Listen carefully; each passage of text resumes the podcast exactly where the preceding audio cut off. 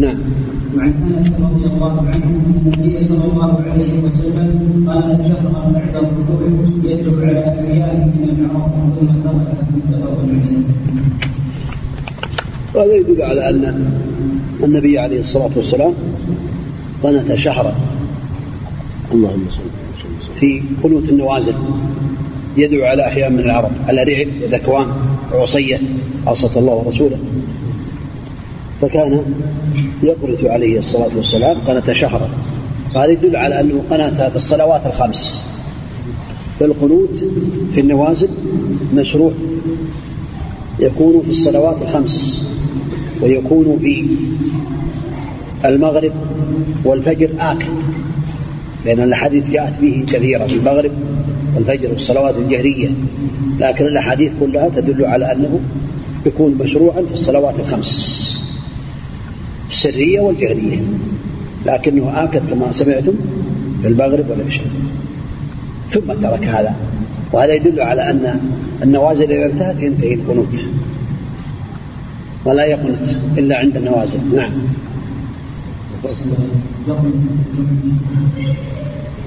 ما ورد قنوت في الجمعة. ما ما أعرف عنه شيء نعم. ولأحمد والدار قطني منه بوجه آخر وزاد. وأما في الصبح فلم يزل يقنط حتى فارق وأما وأما في الصبح فلم يزل يقنط حتى فارق نعم. وعنه رضي قال المحشي عليه؟ قال حديثه أنس يدل على أن القنوت يكون عند الحاجة لأن النبي صلى الله عليه وسلم قنت عند الحاجة ثم تركه وكما يدل عليه حديث الثاني ودل حديث سعد بن طالب على أن القنوت في الفجر في الفجر محدث وأما رواية واحد والدار قطري فهي ضعيفة لأنها من رواية أبي جعفر الرازي. هكذا قال شيخنا رحمه الله أنه هذا الحديث ضعيف. ولم يزل يقنت حتى فارق الدنيا. هذا حديث ضعيف.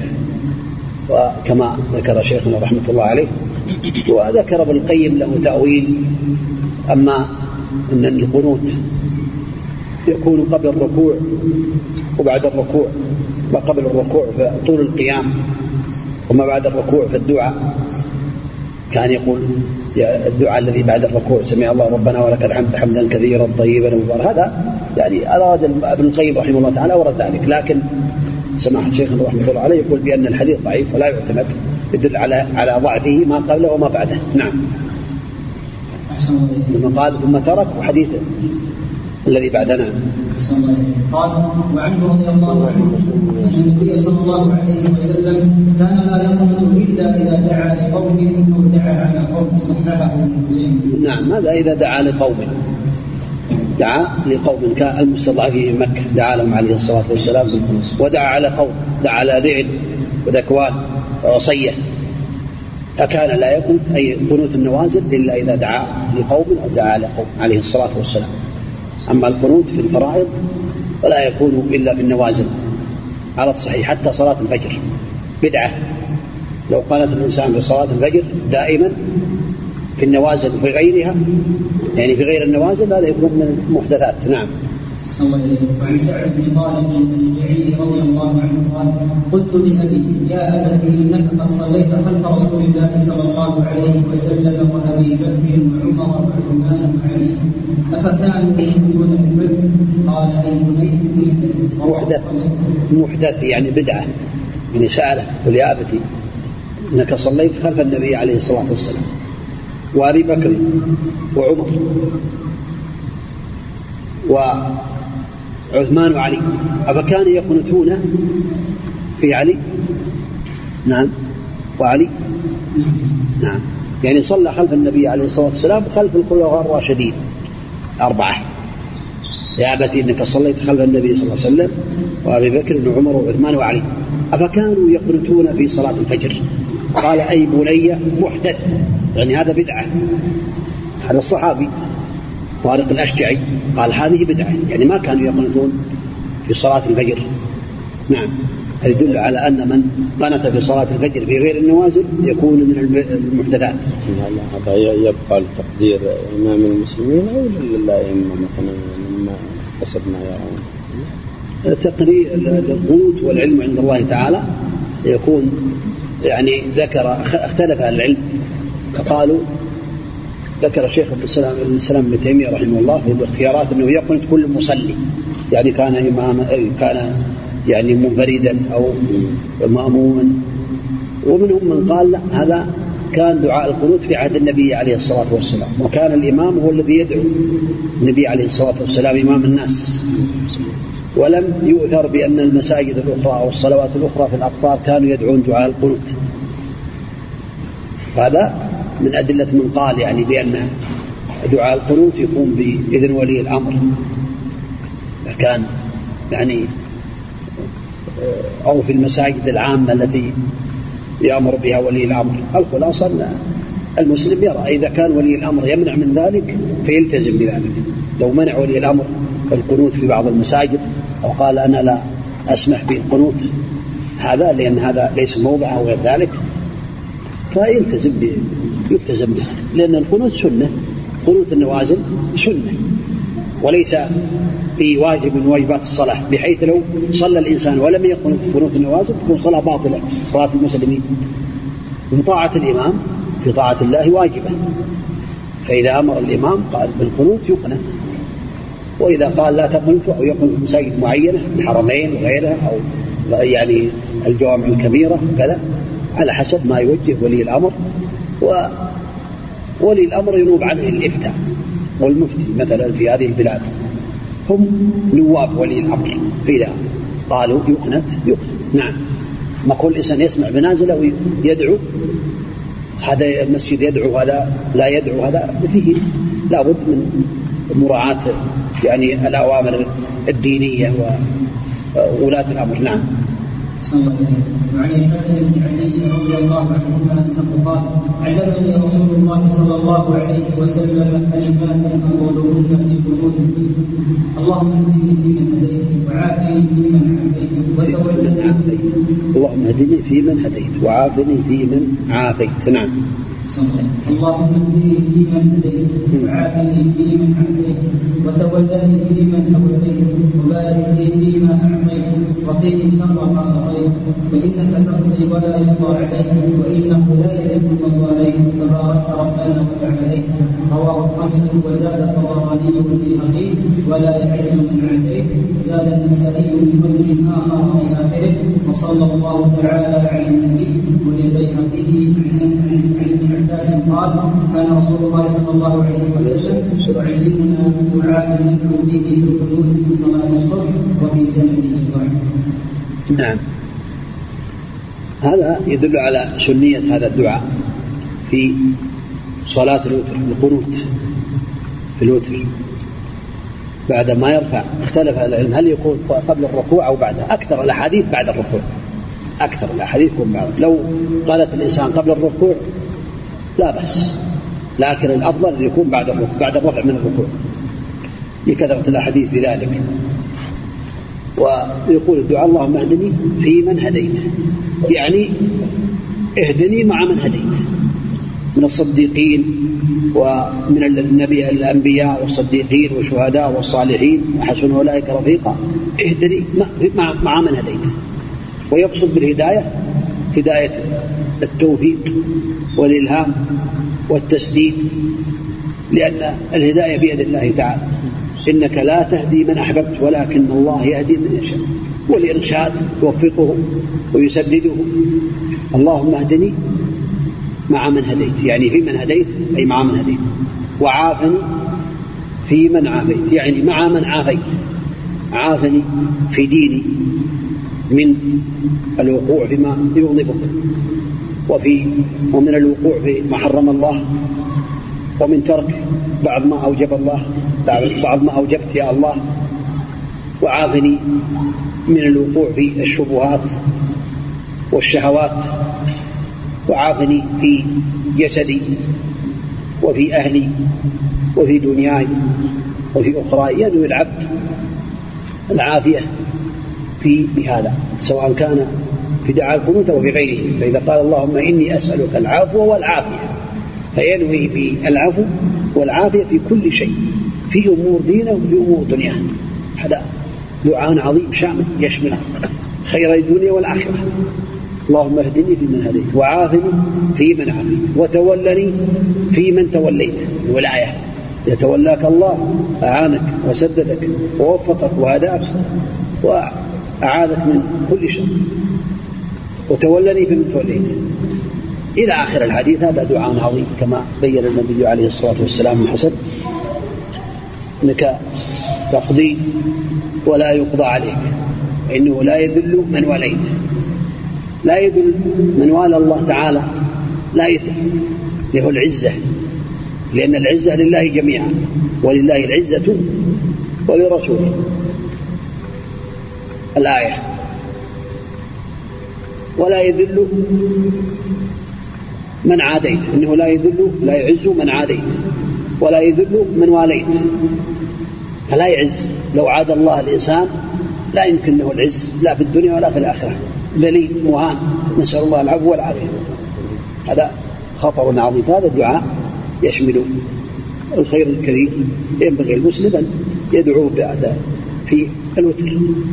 جاء في حديث آخر عن علي أنه كان يقول في آخر وتره علم النبي عليه الصلاة والسلام اللهم يعني في ثبت عنه عليه الصلاة والسلام أنه كان علم عليه دعاء آخر في آخر الوتر. قال اللهم اهدني فيمن هديت وعافني فيمن عافيت وتولني فيمن توليت وعافني بما أعطيت وقني شر وقني ما شر ما قضيت. إنك تقضي ولا يقضى عليك فإنه لا يذل من وليت ولا يعز من هديت. تبارك ربك وتعالى. اللهم إني أسألك اللهم إني أسألك العفو. اللهم إني أعوذ برضاك من سخطك وبمعافاتك من عقوبتك وبك منك. لا أحصي ثناء عليك. ثبت كذلك. يقول في آخر الوتر. اللهم إني أعوذ برضاك من سخطك وبمعافاتك من عقوبتك وبك منك. لا أحصي ثناء عليك. نعم. ويقول آخر قبل الانتهاء من دعاء الوتر. نعم.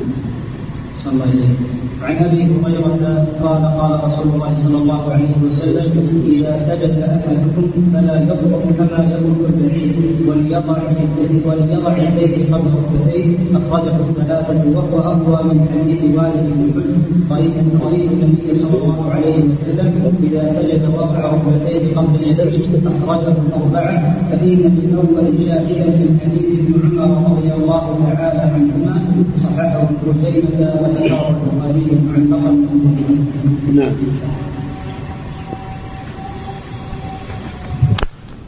الله نعم. هذا بسم الله اللهم صل على محمد. هذا الحديث في ظاهره يدل على أن السنة أن يضع يديه قبل ركبتيه. صححه جمع من أهل العلم. ومنهم من أعله.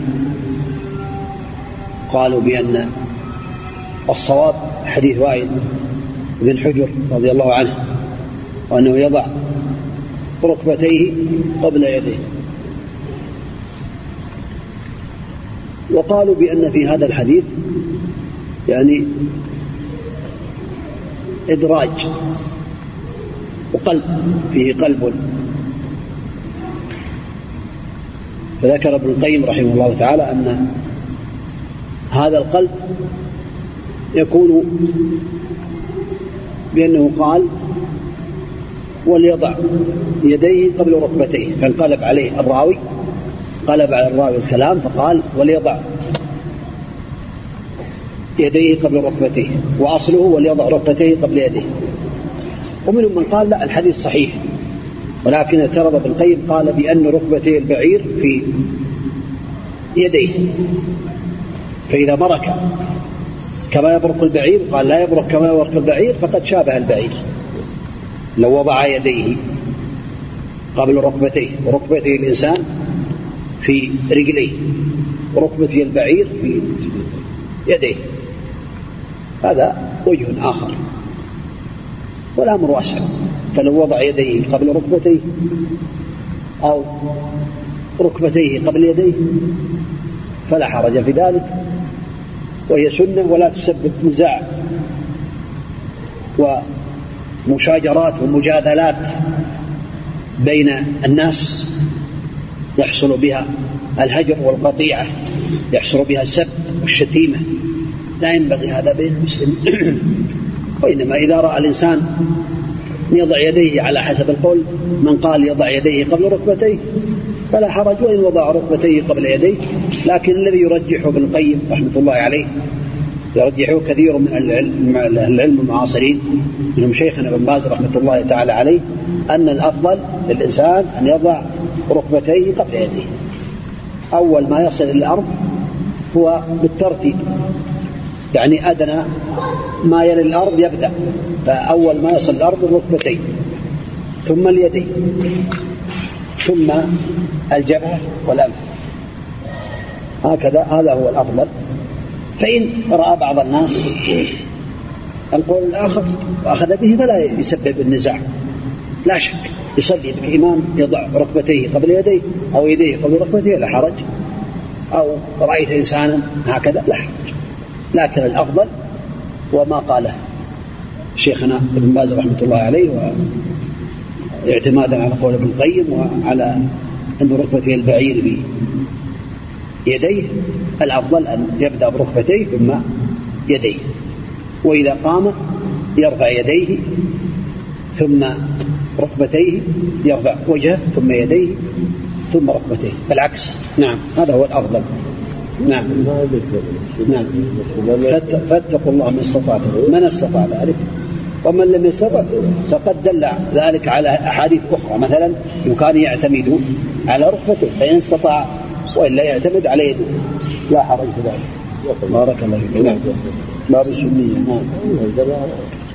عن ابن عمر رضي الله عنهما أن رسول الله صلى الله عليه وسلم كان إذا قعد للتشهد وضع يده اليسرى على ركبته اليسرى واليمنى على اليمنى وعقد ثلاثة وخمسين وأشار باصبعه باصبعه السبابه رواه مسلم وفي رواية له وقبض أصابعه كلها بالتي تلي الفم. ما عدا عدا الحديث نعم. وعن ابن عمر رضي الله عنهما أن رسول الله صلى الله عليه وسلم كان إذا قعد في التشهد وضع يده اليسرى على ركبته اليسرى واليمنى على اليمنى وعقد ثلاثا وخمسين وأشار بإصبعه السبابة رواه مسلم وفي رواية له وقبض أصابعه كلها وأشار بالتي تلي نعم هذه هذا هو الأفضل. إذا قعد في التشهد يضع يده اليسرى على ركبته اليسرى واليمنى على اليمنى ويعقد ثلاثا وخمسين. في رواية يقبض يديه كلها. في رواية يحلق بين الإبهام والوسطى. ثلاث صفات لهذه اليد. فالأفضل أن ينوع إن شاء أو يعمل بصفة من هذه الصفات. فعقد 53 ذكر بعض أهل العلم أنها يجعل الإبهام في أصل الوسطى في أصلها. قال هذا هو عقد 53 53 والصفة الثانية أن يحلق بين الوسطى والإبهام. ويرفع السبابة قال لا سبابة ويقال لا سباحة. ويضم الصغرى ويقبض الوسطى الخنصر والبنصر يقبض الخنصر والبنصر يحلق بين الوسطى والسبابة. والصفة الثالثة أن يقبض أصابع كلها ويرفع السبابة. يشير بها. وذكر ابن القيم رحمه الله تعالى أنه الرفع يكون لا يكون مرفوعا ولا نازلا وإنما يكون تجاه القبلة مع الغنى ويشير بها عند الدعاء وعند ذكر الله تعالى. فالإشارة بها يعني يحركها بالإشارة عند ذكر لفظ الجلالة. كل ضمير يعود على لفظ الجلالة منهم من قال يرفعها عند أو يشير بها عند ذكر التشهد. أشهد أن لا إله إلا الله وأشهد أن محمدا عبده ورسوله. منهم من يقول يشير بها عند كل ذكر للفظ الجلالة يعود على لفظ الجلالة عند كل دعاء. فإذا قال أشهد أن لا إله إلا الله فإذا قال التحيات لله يشير بها. الصلوات الطيبات لله يشير بها. أشهد أن لا إله إلا الله اللهم صل على محمد يشير بها. اللهم صل وسلم والسلام كذلك. اللهم تحيات لله الصلوات الطيبات السلام عليك أيها النبي ورحمة الله. السلام دعاء. فعند كل شيء في دعاء أو ذكر لله تعالى يشير بها. وغير ذلك تبقى ثابتة. يعني مشير بها يحركها عند الذكر وعند الدعاء. هذا هو الأفضل. نعم. الأقرب والله يعني كان شيخنا رحمه الله يرى التنوع يعني مرة تنويع التنويع. يعني خلاف تنوع. نعم. مرة. يعني يجعل 53 بينما قال بعضهم بأن 53 هو أن إذا حلق بين الوسطى وبين السبابة تكون 53 لكن هكذا كأنها تكون 52 على كذا. لكن إذا قبض وجعل هذا في أصل الإبهام تكون كأنها 53 هكذا يقول سماحة الشيخ رحمة الله عليه وغيره من العلم صاحب سبل السلام الصنعاني ذكر ذلك. نعم. أن يعني 53 هو أن يجعل الإبهام في أصل السبابة. نعم. نعم. بين السجدتين ما ثبت شيء. ما هناك شيء يعني فيه دلالة على أنه كان يشير بها بين السجدتين. منهم من قال في الصلاة قال بأنها حتى بين السجدتين. لكن هذا يحتاج إلى دليل. نعم. وعن عبد الله بن مسعود رضي الله عنه قال ثبت الينا رسول الله صلى الله عليه وسلم فقال إذا صلى أحدكم فليقل التحيات لله والصلوات والطيبات. السلام عليك أيها النبي ورحمة الله وبركاته. السلام علينا وعلى عباد الله الصالحين. أشهد أن لا إله إلا الله وحده لا شريك له وأشهد أن محمدا عبده ورسوله. يتخير من الدعاء اعجبه إليه فيدعو متفق عليه واللفظ للبخاري وللنسائي. كنا نقول قبل ان يفرض علينا التشهد ولأحمد أن النبي صلى الله عليه وسلم علمه التشهد وأمره أن يعلمه الناس. هذا التشهد من أركان الصلاة. التشهد الأخير. أما قوله في التشهد الأول فهو من واجبات الصلاة. ويقول التحيات لله والصلوات الطيبات. والصلوات والطيبات. السلام عليك أيها النبي ورحمة الله وبركاته. السلام علينا وعلى عباد الله الصالحين. أشهد أن لا إله إلا الله وأشهد أن محمدا عبده ورسوله. ثم ليتخير من الدعاء عجبه ليه كان شيخنا رحمه الله يقول من أعجب الدعاء أن يصلي على النبي عليه الصلاة والسلام بعد التشهد الأول. فاختلف العلم هل يصلي على النبي عليه الصلاة والسلام بعد التشهد الأول أو يقتصر على أشهد أن لا إله إلا الله وأشهد أن محمدا عبده ورسوله ثم يقوم إلى الركعة الثالثة إذا كان في الصلاة الثلاثية والرباعية. ومنهم من قال يصلي على النبي فمنهم من قال هذا وقال هذا. كان شيخنا رحمه الله تعالى يرى الأفضل أن يصلي على النبي عليه الصلاة والسلام لأنه من أعجب الدعاء لأنه قال ثم ليتخير من الدعاء أعجبه إليه. والصلاة على النبي عليه الصلاة والسلام من أفضل الدعاء. فإن فعل صلى على النبي عليه الصلاة والسلام كان أفضل. وإن لم يصلي على النبي عليه الصلاة والسلام واقتصر أشهد أن لا إله إلا الله وأشهد أن محمدا عبده ورسوله ثم قام إلى الركعة الثالثة فلا حرج. أما التشهد الثاني فلا بد من إضافة الصلاة على النبي عليه الصلاة والسلام. تكون ركن.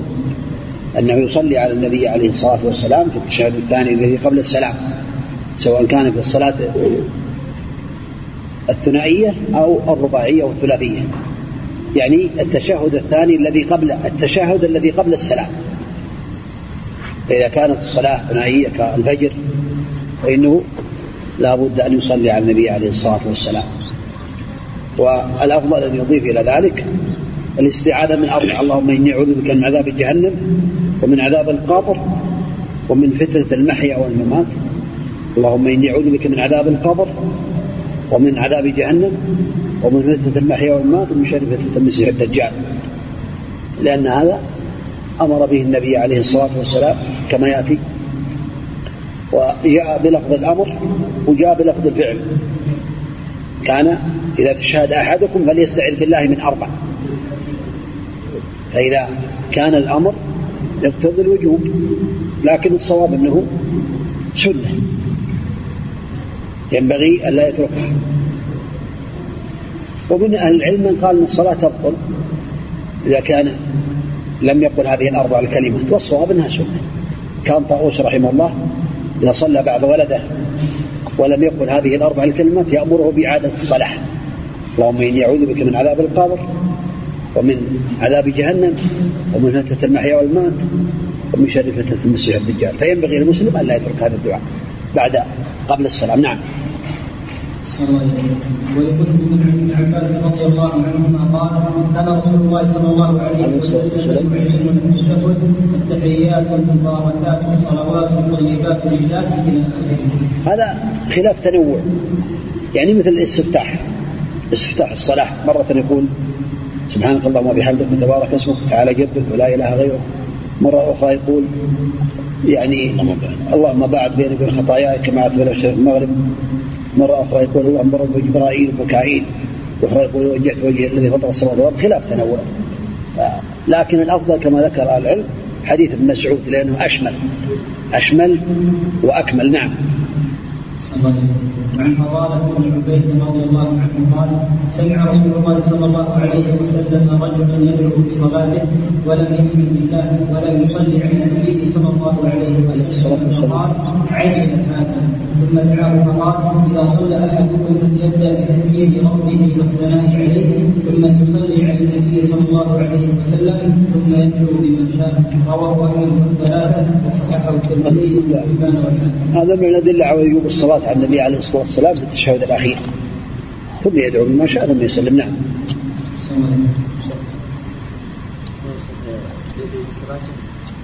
يمجد يمجد. وإذا بداية بالتمجيد بالتمجيد التحميد والتبجيل لله تعالى والثناء عليه سبحانه وتعالى. نعم. تحيات لله الصلوات.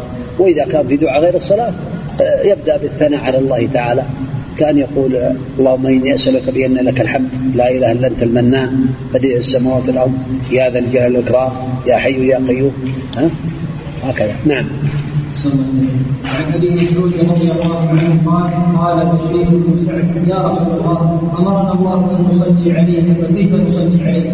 فسكت ثم قال قولوا اللهم صل على محمد وعلى آل محمد كما صليت على آل إبراهيم وبارك على محمد وعلى آل محمد كما باركت على آل إبراهيم في العالمين إنك حميد مجيد والسلام على والسلام مسلم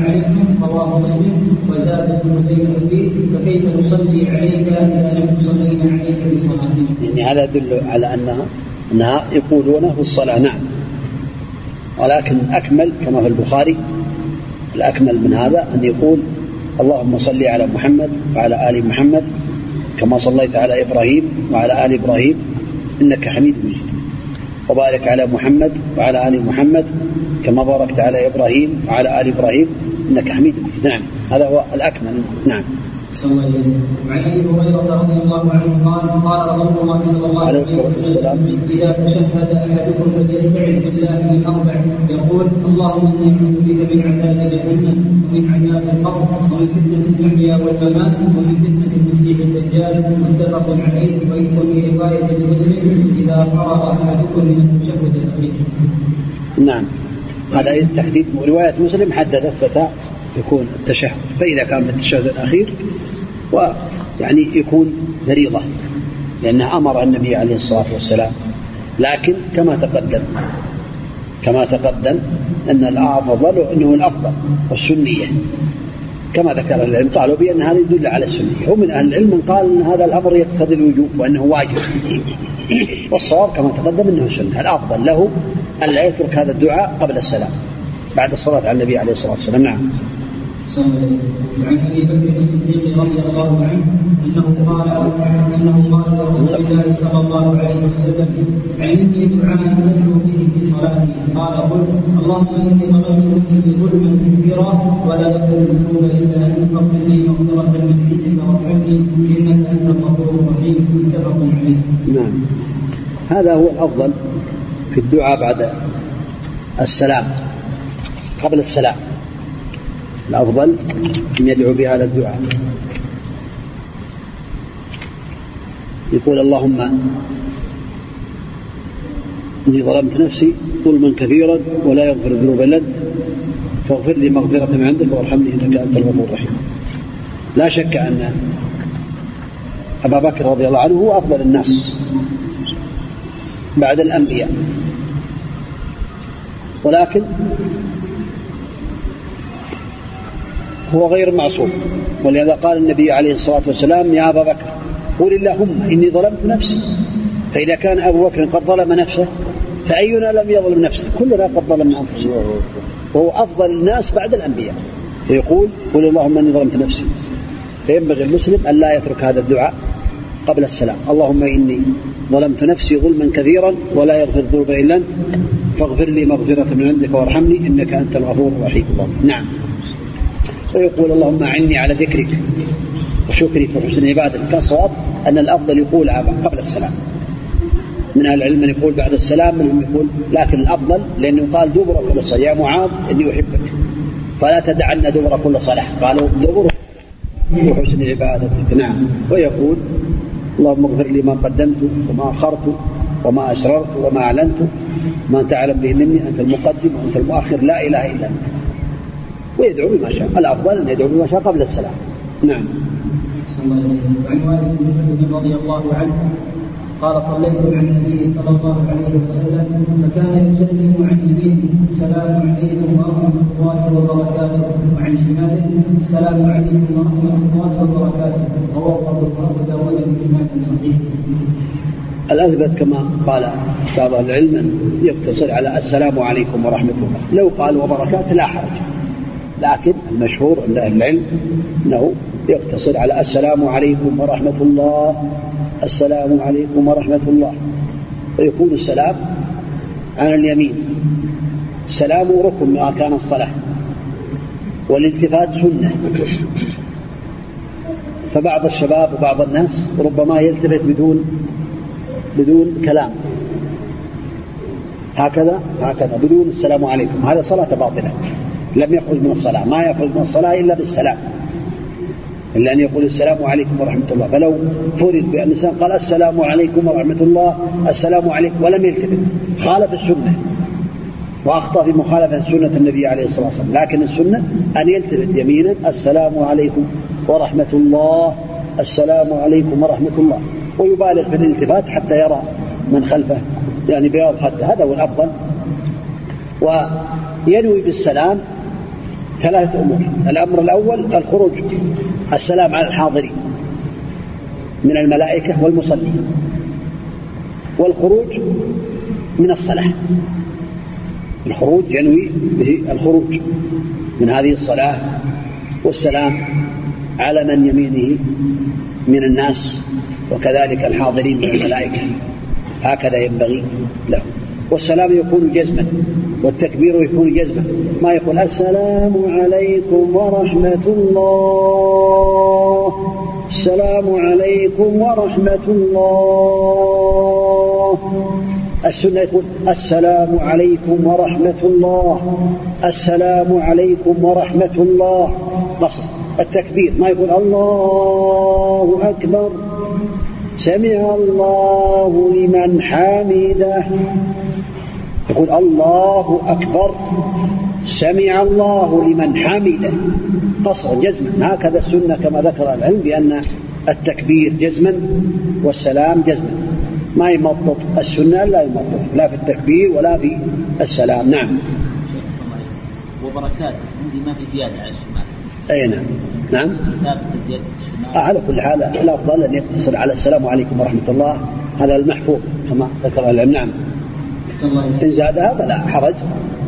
يعني لكن الأفضل أن يقتصر. نعم. نعم. نعم. التنوع إيه. السلام السلام عليكم ورحمه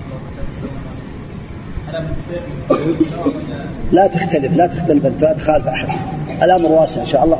لكن المشهور والمحفوظ عند أهل العلم انه يسلم. السلام نعم.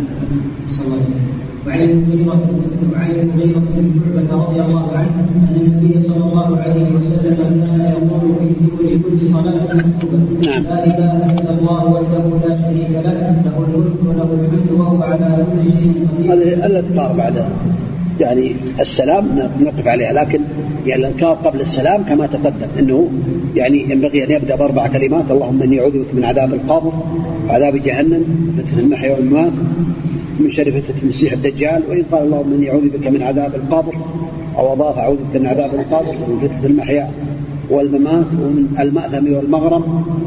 اللهم اغفر لي ما قدمت وما أخرت وما اسررت وما أعلنت. وما أنت أعلم به مني أنت المقدم وأنت المؤخر لا إله إلا أنت. اللهم إني ظلمت نفسي ظلما كثيرا ولا يغفر الذنوب إلا أنت. فاغفر لي مغفرة من عندك وارحمني إنك أنت الغفور الرحيم. ثم يدعو بما شاء يدعو بما شاء. والدعاء قبل السلام أفضل. من اللهم اعني على ذكرك وشكرك وحسن عبادتك. ثم اذا سلم يقول الأذكار بعد الصلاة إن شاء الله تأتي في الدرس القادم. أسأل الله لي ولكم العلم النافع والعمل الصالح والتوفيق لما يحبه ويرضاه صلى الله وسلم وبارك على نبينا محمد وعلى آله وأصحابه أجمعين. الله سم. بسم الله والصلاة والسلام على رسول الله محمد بن عبد الله وعلى آله وصحبه ومن والاه. اللهم اغفر لنا ولشيخنا وللحاضرين برحمتك يا أرحم الراحمين. أما بعد قال الإمام ابن حجر رحمه الله تعالى في كتابه بلوغ المرام في كتاب الصلاة وعن المغيرة بن شعبة رضي الله عنه أن النبي صلى الله عليه وسلم كان يقول في دبر كل صلاة مكتوبة لا إله إلا الله وحده لا شريك له له الملك وله الحمد وهو على وهو على كل شيء قدير. اللهم لا مانع لما أعطيت ولا معطي لما منعت ولا ينفع ذا الجد منك الجد متفق عليه. بسم الله الرحمن الرحيم. الحمد لله رب العالمين. وصلى الله وسلم وبارك على نبينا محمد وعلى آله وأصحابه أجمعين. أما بعد فإن المسلم يحب الخير ويحب الازدياد من الفضل. والالتزام بسنة النبي عليه الصلاة والسلام ليحظى بالأجر الكبير والثواب العظيم الذي بينه الله تعالى للمؤمنين الذين يلتزمون بسنة النبي صلوات الله وسلامه عليه. ومن السنن التي ينبغي للمسلم ألا يتركها الأذكار بعد الصلوات المفروضات. فإنه قد ثبت عن النبي عليه الصلاة والسلام من الأذكار الكثير لكن على المسلم أن يأخذ منها ما يستطيع من الأذكار التي تضاعف له بها الحسنات وتقال بها عنه العثرات. ومن هذه الأحاديث حديث المغيرة بن شعبة أن النبي عليه الصلاة والسلام كان يقول هذا الذكر في دبر الصلاة في دبر كل صلاة. لا إله إلا الله وحده لا شريك له له الملك وله الحمد. في زيادة الطبراني يحيي ويميت. وفي زيادة وهو, حل وهو حي لا يموت. بيده الخير. وهو على كل شيء قدير. اللهم لا مانع لما أعطيت ولا معطي لما منعت. في زيادة في بعض الآثار. ولا راد لما قضيت. ولا ينفع ذا الجد منك الجد. أي صاحب الغنى. ما ينفع غناه. ما ينفع غنى عن الله تعالى. وهذا من الأذكار التي ينبغي المسلم أن يحافظ عليها بعد كل صلاة ويحصل على الثواب العظيم الذي بينه النبي صلوات الله وسلامه عليه. نعم. نعم. تقال في الذكر نعم. وعن سعد بن أبي وقاص رضي الله عنه أن رسول الله صلى الله عليه وسلم كان يتعوذ بهن دبر كل صلاة. اللهم إني أعوذ بك من البخل وأعوذ بك من الجبن وأعوذ بك أن أرد إلى أرض العمر وأعوذ بك من فتنة الدنيا وأعوذ بك من عذاب القبر. رواه البخاري. هذا والله أعلم. الأفضل أن يقال هذا الذكر قبل السلام لأن الأصل في الدعاء يكون قبل السلام دبر كل صلاة والدبر هو آخر الشيء المتصل به. أما حديث المغيرة فقد ثبت بالنص أنه بعد السلام. فالحديث المطلق في دبر كل صلاة في الغالب ما لم يأتي التطبيق من النبي عليه الصلاة والسلام أو من الصحابة بأنه يذكر بعد الصلاة. الأفضل أن يكون قبل السلام. اللهم إني أعوذ بك من البخل وأعوذ بك من الجبن وأعوذ بك من أن أرد إلى أرض العمر. أرض العمر هو أقبح. الهرم الذي استعاذ منه النبي عليه الصلاة والسلام. كون الإنسان يرجع إلى يعني يكون عقله كعقل الطفل. النبي عليه الصلاة والسلام استعاذ من هذا العمر لأن الإنسان إذا وصل إلى هذه الدرجة لا يستفيد من حياته لا تسبيح ولا تهليل ولا يعني طاعة ولا يستتر ولا يستطيع أن يقوم بشؤنه وإنما يكون كالطفل في المهد. فالنبي عليه الصلاة والسلام استعاذ بالله من أذر العمر النبي عليه استعاذ بالله من أرض العمر واستعاذ به من عذاب القبر عليه الصلاة والسلام. وهذا محله قبل السلام الأفضل وإن قال بعد السلام لا حرج. نعم. صلى الله عليه وعن ثوبان رضي الله عنه قال كان رسول الله صلى الله عليه وسلم إذا انصرف من صلاته استغفر ثلاثا وقال اللهم أنت السلام ومنك السلام تباركت يا ذا الجلال والإكرام رواه مسلم. أعد أعد أحسن الله إليك وعن ثوبان رضي الله عنه قال كان رسول الله صلى الله عليه وسلم إذا انصرف من صلاته استغفر ثلاثا وقال اللهم أنت السلام ومنك السلام تباركت يا ذا الجلال والإكرام. رواه مسلم.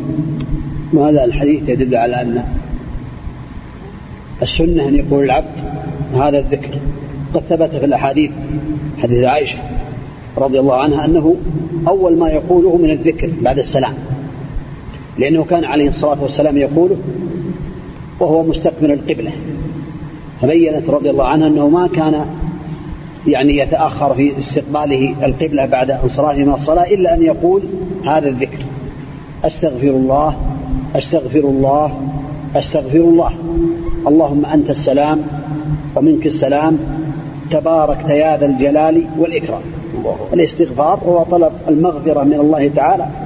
وطلب ستر الذنوب وكذلك إثبات السلام من أسماء الله تعالى. اللهم أنت السلام ومنك السلام هو السلام سبحانه وتعالى من أسماء السلام والسلامة منه في العافية في الدنيا والآخرة السلامة في الدين والسلامة في الدنيا والسلامة في البدن والسلامة في الأهل والسلامة في الدنيا والآخرة من كل آفة منك السلام منه السلام سبحانه وتعالى والعفو والعافية.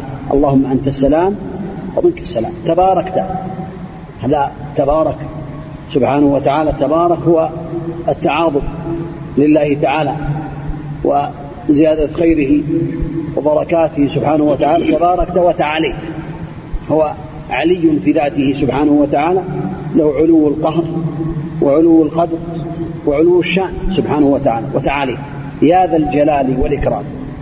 هو ذو العظمة وذو الجلال ذو الكرم سبحانه وتعالى. هذا هو السنة أن يقول بعد أن يسلم وهو مستقبل القبلة ثم ينصرف إلى الناس. ينصرف يتجه إلى مستقبل الناس.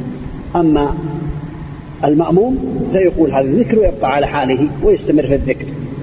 فهذا هو أول الذكر. بعد السلام أستغفر الله أستغفر الله أستغفر الله. اللهم أنت السلام ومنك السلام. تبارك يا ذا الجلال والإكرام. ثم ينصرف الإمام والمأموم يكمل الدعاء. الأفضل أن يبدأ بعد هذا. والله أعلم. لا إله إلا الله وحده لا شريك له. له الملك وله الحمد وهو على كل شيء قدير. كما تقدم اللهم لا مانع لما أعطيت ولا معطي لما منعت. وإن زاد ولا راد لما قضيت فلا حرج. ولا ينفع ذا الجد منك الجد ثم يقول بعد ذلك لا إله إلا الله وحده لا شريك له له الملك وله الحمد وهو على كل شيء قدير. لا إله إلا الله ولا نعبد إلا إياه له النعمة وله الفضل وله الثناء الحسن. لا إله إلا الله مخلصين له الدين ولو كره الكافرون.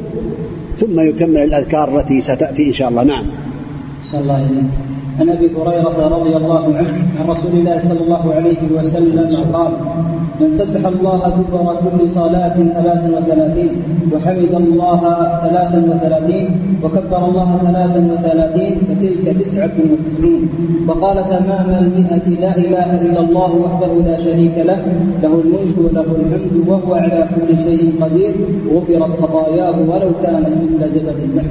هذا من فضل الله تعالى على عباده أن من قال هذا الذكر العظيم التسبيح والتهليل والتحميد والتكبير لقاله بعد الصلاة يحصل على هذا الثواب العظيم الذي بينه النبي عليه الصلاة والسلام. فمن سبح الله دبر كل صلاة ثلاث ثلاثين وحمد الله ثلاث ثلاثين وكبر الله ثلاث ثلاثين فتلك تسعة وتسعون وقال تمام المئة لا إله إلا الله وحده لا شريك له له الملك وله الحمد وهو على كل شيء قدير. حطت خطاياه وإن كانت مثل زبد البحر مثل رغوة البحر. لو كانت مثل رغو البحر لغفرها الله تعالى. إذا قال هذا الذكر العظيم كثير من الناس محروم محروم من هذا الفضل العظيم الذي بينه النبي عليه الصلاة والسلام. لا يسبح ولا يعتني بهذا التسبيح الذي تغفر به الذنوب. هذا من فضل الله سبحانه وتعالى. هذا التسبيح له أنواع. ثبتت عن النبي عليه الصلاة والسلام. فهذا أفضلها وأكملها وأحسنها وأعظمها أجرا أن يقول هذا. أن يقول لا إله إلا الله وحده سبحان الله والحمد لله والله أكبر. ثلاثة ثلاثين ثم يقول تمام المئة. لا إله إلا الله وحده لا شريك له. له الملك وله الحمد وهو على كل شيء قدير. هذا هو أفضل التسبيح. فمن فعل هذا فقد عمل بأفضل نوع من أنواع التسبيح. نوع ثاني من هذا التسبيح وهو أن يبدل لا إله إلا الله بالتكبير. التكبير يجعل تمام المئة التكبير كما ثبت ذلك على النبي عليه الصلاة والسلام. في هذه الأنواع. سبحان الله والحمد لله والله أكبر. فإذا جاء بالكلمة الأخيرة يكرر التكبير مرتين. الله أكبر الله أكبر. يكون قد قال مئة. وهذا فضل لكن الأول أفضل. نوع ثاني كما ثبت في الأحاديث الصحيحة كذلك أنه بدون تكبير وبدون لا إله إلا الله وحده لا شريك له. له الملك والحمد على كل شيء قدير. فيقول سبحان الله والحمد لله والله أكبر. ثلاثة ثلاثين فتكون تسعة وتسعون فقط. هذا النوع الثالث. النوع الرابع وهو أن يقول لا إله إلا الله يقول سبحان الله والحمد لله والله أكبر سبحان الله والحمد لله ولا إله إلا الله والله أكبر. هذه الأربع كلمات. يقولها خمسا وعشرين مرة. سبحان الله والحمد لله ولا إله إلا الله والله أكبر. خمسا وعشرين. رواه النسائي. وحديث ثابت عنه عليه الصلاة والسلام. هذا نوع رابع من أنواع التسبيح. يقول خمسا وعشرين. سبحان الله والحمد لله. ولا إله إلا الله والله أكبر. ولا خمسا وعشرين مرة. ونوع الأفضل. لا الزيادة لا يزيد. على هذه الأذكار يلتزم بما ورد عن النبي عليه الصلاة والسلام إلا بما جاءت الزيادة. كما قول النبي عليه الصلاة والسلام من سبح الله من قال سبحان الله وبحمده في يوم إذا أصبح مئة مرة وإذا أمسى مئة مرة لم يأتي أحد بأفضل ما جاء به إلا رجل زاد على ذلك أو كما قال النبي عليه الصلاة والسلام. فدل أن التسبيح مئة مرة في الصباح لو زاد عليه كان أفضل. أما الأذكار بعد الصلوات يلتزم الإنسان بما ورد عن النبي عليه الصلاة والسلام. لا يزيد ولا ينقص حتى يحصل على الثواب العظيم. هذا النوع الرابع. النوع الخامس أن يقول سبحان الله والحمد لله والله أكبر عشر مرات. وهذا ثبت عن النبي عليه الصلاة والسلام. نوع سادس جاء في رواية لمسلم أن يقولها إحدى عشرة مرة. وذكرها شيخ الإسلام ابن تيمية رحمة الله تعالى عليه كما في الاختيارات. فهذه أنواع ستة من أنواع التسبيح.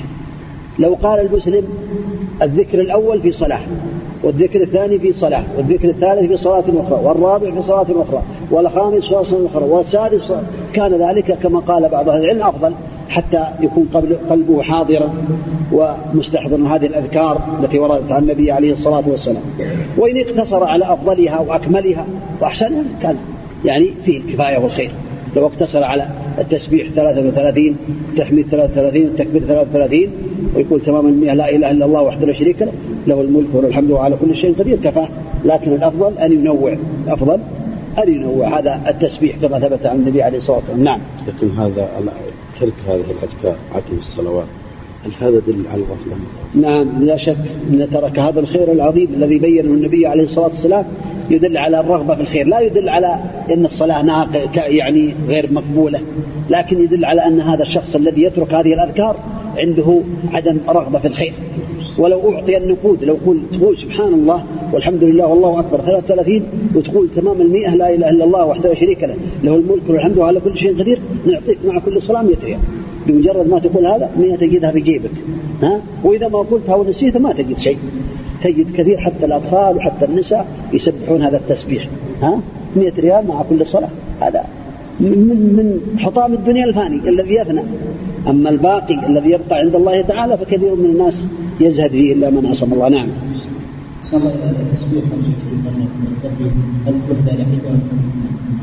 الله أعلم. جاء في التسبيح. سبحان الله. والحمد لله والله أكبر.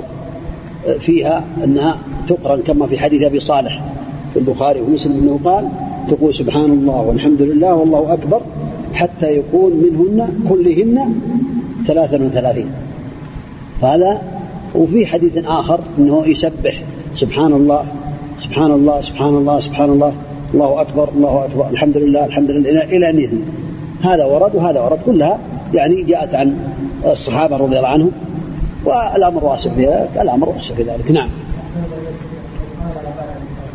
نعم. لا الأفضل لا يقوم حتي يغلقها ينهي هذه الأذكار.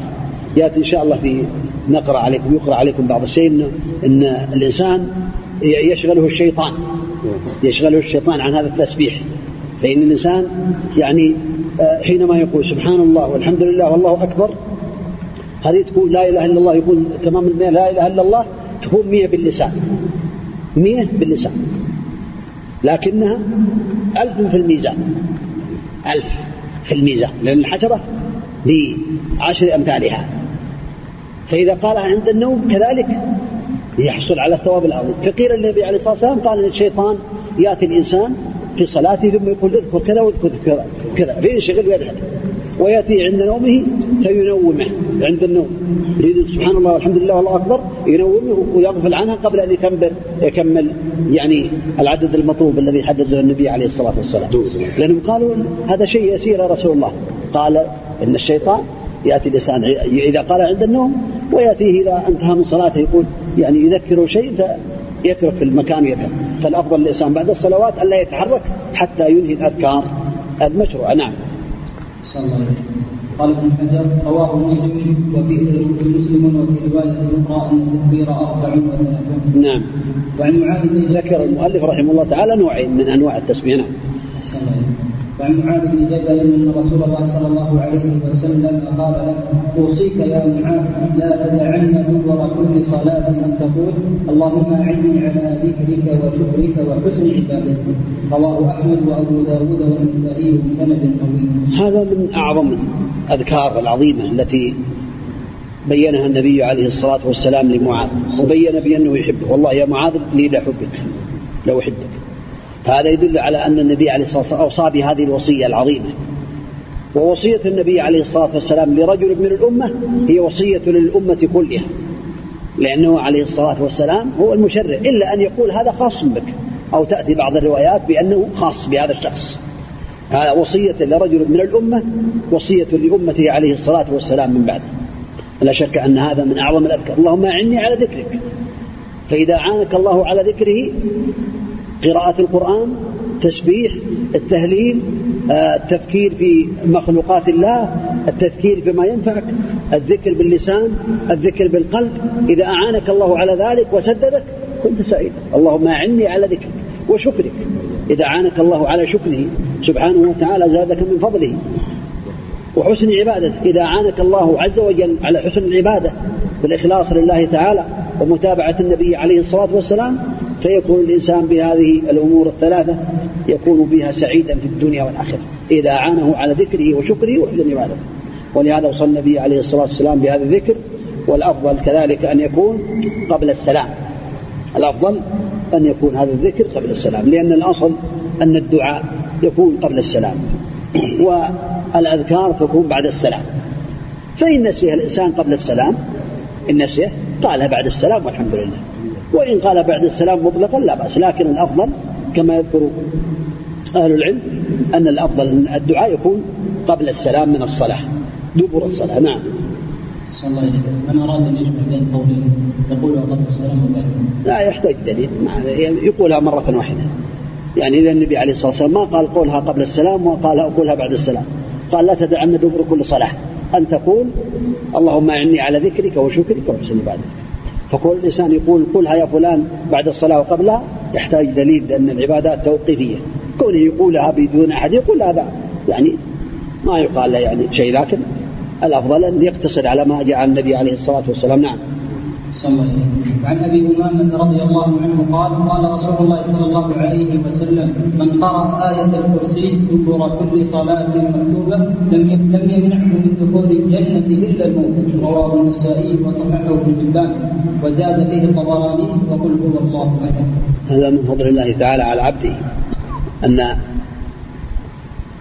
المسلم إذا قال هذا الذكر قرأ آية الكرسي بعد كل فريضة بعد كل صلاة. لم يكن بينه وبين الموت لم يكن بينه وبين الجنة إلا أن يموت. الحائل بينه وبين الجنة الموت. لكن عليه أن يقولها دبر كل صلاة. لا ينساها. الله المستعان. يحاول أن يجتهد أن يقول هذا هذه الآية دبر كل صلاة. لا ينساها. حتى يحصل على هذا الثواب العظيم الذي بينه النبي عليه الصلاة والسلام. زاد الطبراني يقول هو الله أحد لكن قد جاء في حديث عقبة بن عامر النبي عليه الصلاة والسلام أرشده إلى أن يقرأ المعوذات دبر كل صلاة. وقل هو الله أحد تدخل في المعوذات كما ذكر الحافظ في فتح الباري. إذا أطلقت المعوذات تدخل فيها قل هو الله أحد. إذا ترتيب الأذكار على حسب ما يعني ذكر هنا والله أعلم يبدأ بالاستغفار ثلاثة. ثم يقول اللهم أنت السلام ومنك السلام تبارك يا ذا الجلال والإكرام. ثم يقول لا إله إلا الله وحده لا شريك له له الملك وله الحمد وهو على كل شيء قدير. اللهم لا مانع لما أعطيت ولا معطي لما منعت وإن زاد ولا راد لما قضيت ولا ينفع ذا الجد منك الجد. ثم يقول لا إله إلا الله وحده لا شريك له له الملك وله الحمد وهو على كل شيء قدير. لا إله إلا الله ولا نعبد إلا إياه له النعمة وله الفضل وله الثناء الحسن. لا إله إلا الله مخلصين له الدين لو كره الكافر ثم يقول سبحان الله والحمد لله والله أكبر ثلاثين ويقول تمام المئة لا إله إلا الله وحده لا شريك له له الملك وله الحمد وهو على كل شيء قدير. ثم يقرأ آية الكرسي ثم يقرأ المعوذات. إن بدأ بهذا الترتيب يكون طيب يكون حسن. نعم. رفع الصوت بالذكر رفع الصوت بالذكر يأتي إن شاء الله. الأفضل أن يعني يرفع الإنسان صوته بالذكر أدبار الصلوات هذا المشروع. عن النبي عليه الصلاة والسلام لأن كثير من الصحابة ومن ابن العاص كانوا كنا نعرف آه، انتهاء الصلاة برفع الصوت بالذكر على عهد رسول الله صلى الله عليه وسلم. فالسنه رفع الذكر حتى يتعلم الجاهل حتى يذكر الناس. جاهل لا يعلم يتعلم. ناسي أنسي هذا الذكر يذكر أخوه بهذا فيذكره فالسنة أن يجهر به لكن الجهر المعروف. بحيث لا يؤذي الناس ولا يؤذي المصلين وإنما يسبح تسبيح يسمعه من بجواره ومن حوله. نعم. صلى الله عليه وسلم. وعن مالك بن جويرة رضي الله عنه قال قال رسول الله صلى الله عليه وسلم صلوا كما رأيتموني أصلي. رواه البخاري. لا في ترتيب بعض الأذكار بأدلة لعلك تقرأ علينا إن شاء الله. نعم. نعم. صلى الله عليه صلى